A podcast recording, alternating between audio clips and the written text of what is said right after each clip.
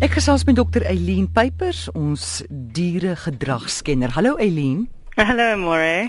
Ek het hier 'n vraag van Karen van Rensburg. Sy sê sy het 'n Doberman Pinscher, 4 jaar oud. Die hond is baie mislik. Hy maak moeilik maat, spring oor die hek, sê sy wat haar van ander woonede eenhede skei. Hy spring eintlik oor alles as mense by hulle eenheid verbystap. Hy het al kinders gekrap en gebyt, niks ernstigs nie. Hy sit onaangenaam. Al mense wat hy verdra is haar kinders en kleinkinders. Hy blaf vir almal en alle bewegings rondom haar huis. Sy wil weet hoe kry sy hom vriendeliker want sy is nou raad op. Môre, ek dink dat voor ons begin, ehm um, is dit belangrik om aan te dui dat ek nie 'n ingewikkelde probleem in 5 minute oor die lig kan oplos nie. En as daar ernstige probleme is, moet mense asseblief 'n afspraak met 'n dieregedragskenner maak. Maar wat ek kan vir die luisteraar gee, is algemene beginsels oor diereopleiding of 'n verduideliking oor die rede vir 'n dier se gedrag. Goed, kom ons kyk hoe ons Karen dan nou net 'n bietjie kan help. So in hierdie geval sal ek graag wou weet of Kar Karen se hond by sosialisering klasse was toe hy jonk was. Want hierdie klink vir my soos 'n bang en angstige hond. Want as hondjies nie tydens die sosialisering periode verskillende mense ontmoet en verskillende situasies teekom, ontwikkel hulle nie die vaardighede om die lewe te hanteer nie. Nou wat is hierdie sosialiseringsperiode? Dis 'n periode um in die tydperk um dis 'n periode 'n tydperk in 'n jong dier se lewe lewe wanneer hulle die sielkundige kapasiteit het om baie nuwe situasies te prosesseer. Hulle is nie so bang nie, is meer vriendelik en is baie nuuskierig um gedurende hierdie tyd. In hondjies is hierdie periode tussen die ouderdom van 3 en 14 weke. Dis amper soos 'n mens, né? ja, ja. Nou nie 3 tot 14 weke nie, maar dat 'n mens blootgestel moet word aan verskillende situasies, né? Ja, definitief, ja. Nou maar, hoekom lyk hierdie hond onaangenaam of onvriendelik as hy dan nou regtig bang is? Ehm um, sommige mense en nie mense nie, jammer, sommige honde uh, leer dat die beste verdediging 'n goeie aanvallende strategie is en sal dus lyk asof hulle baie aggressief of onvriendelik is. Maar in realiteit is hulle net bang en probeer om die skurke weg te jaag. Maar hoe kan sy dan hom nou net 'n bietjie vriendeliker kry? Ek dink 'n baie eenvoudige manier is om kos te gebruik. Kos is vir honde wat geld is vir mense. Dit is waardevol iets waarvoor ons sal werk en as iemand vir jou geld vir niks gee, sal jy baie gelukkig wees. Soos ek laasweek gesê het, gebruik ons kos om 'n positiewe assosiasie met vreemdes te skep. Maar as 'n hond baie bang of reaktief is, moet sy die proses stadig vat. Eerstens kan sy besoekers vra om hondepille deur of oor die hek te gooi voordat hulle binnekom. En as hulle binnekom, kan hulle hondepille op die grond saggies laat val vir die hond. Maar dit is belangrik dat mense nie probeer om hom uit hul hande te laat eet nie. En die rede daarvoor is as hulle baie bang is, hmm. maar ook baie lus vir die kos, veroorsaak dit interne konflik. En in sommige gevalle kan die hond die persoon benader, die kos skielik gryp en dadelik byt. So ons wil nie dit hê mm. nie. So later as hy meer gemaklik en rustig met besoekers is, kan mense kos uit die hand begin aanbied. En oor tyd oor tyd sal hy leer dat die teenwoordigheid van keye mense 'n goeie ding is, want dit beteken altyd lekker kos en bederf. Dis 'n oulike een daai. Maar so onthou nou net in die begin moenie kos uit jou hand uit gee nie. Ja, ja. Goed. Dan nog 'n brief hier van Edith Huber van Nysna.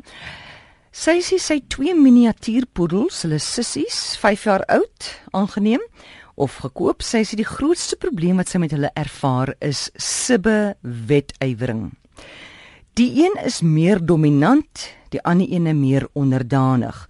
Maar dit is juist die onderdanige een, haar naam is Nandi, hmm? wat nou vir haar wat Edith is, as 'n besitting beskou en baie aggressief word. As sy op haar skoot sit en die ander ene, Mila, kan dit dan nie waag om naby haar te kom nie. Dan grom sy, sy lig haar bolig bolop op en dit het al menigmal gebeur dat die twee mekaar gryp. Dis net so erg wanneer daar kos ook is. Sy het nou mm. al alles probeer Nandi onmiddellik op die grond neergesit as sy grom, dan voel sy verskriklik ontreg en draai haar rug op haar of hulle beide op haar skoot tel, dan verseker sy hulle dat beide op haar skoot kan wees. Man maar ach, sy het geen goeie resultate nie. Sy sê sy het al twee honde van vroeg af probeer sosialiseer. Uh sy was nie so suksesvol met Nandi nie. Mm. En sy sê dit die hond is nou net eenvoudige hond met baie bagasie en sy het al gehoor jy moenie twee honde uit dieselfde werpsel kry nie. Mm. Sy sê uh sy dissiplineer hulle met 'n positiewe versterking en verkies om nie te slaan nie. Hoe kan jy help? Sure, ek is baie bly om te hoor dat ieder gebruik uh, positive reinforcement en nie straf nie. Dit is 'n ou manier van dink om te dink dat jy jou hond moet slaan as hy stout is. Dit is nie reg nie en dit gee aanleiding tot die vernietiging van die verhouding tussen jou en jou hond. Soos ieder genoem het, in 'n geval soos hierdie is dit die beste om die honde as sissies te beskou en sodanig te behandel. Honde is nie dom nie. Hulle kan mooi uitwerk of hulle 'n geveg oor waardige waardevolle goed soos aandag, kos en speelgoed kan wen of nie. Maar as hulle baie gelyk is, byvoorbeeld dieselfde ras, geslag en ouderdom, is dit um moeilik vir hulle om te besluit wie van hulle gaan wen. Mm. En dit lei tot meer konflik. So, het jy ouer broers of sissies môre? Ja, ek het 'n ouer broer en 'n jonger suster. Okay, dan weet jy dat die oudste altyd uitstyg. Ja. Hulle mag kies watter radiostasie om na te luister, ja, ja. watter TV-kanaal om na te kyk en as jy gelukkig is, sal mamma of pappa nou en dan teen hulle besluit en jou toelaat om te kies. En dit voel regtig onregverdig vir jou as 'n kind, maar dit is hoe die lewe werk en jy leer belangrike lesse daaruit. So Iris moet op dieselfde manier as 'n ouer haar honde hanteer. Sy moet as ouer hul keuse vir hulle maak.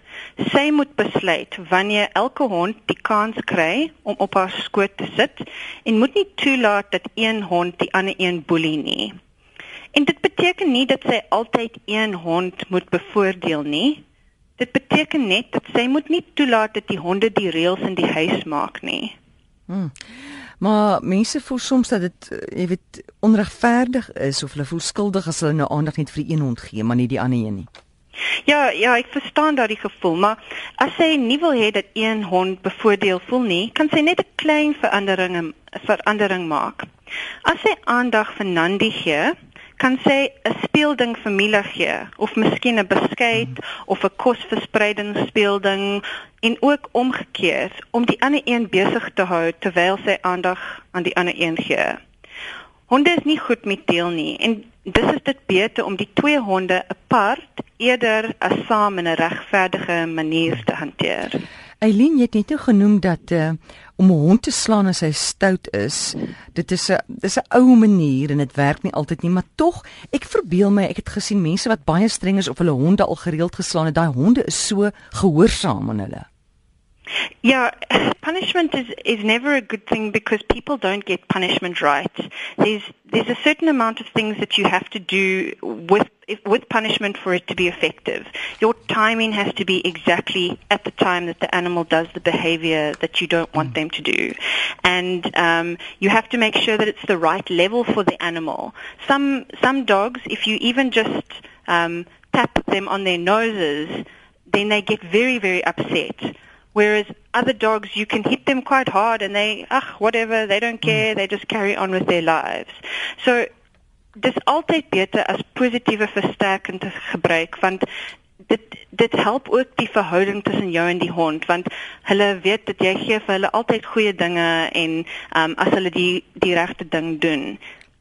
Goed. Nou uh, gee ons 'n wenk van die veeartsvereniging. Die wenk vir hierdie week is as verantwoordelike troeteldier eienaar moet jy voorsiening maak vir die versorging van jou troeteldier vir solank as wat hy leef. Maar is dit nie logies nie? Ja, dit is maar sommige mense weet dit nie. Goed, vir solank as wat hy leef. Ja, ja, ja. ja.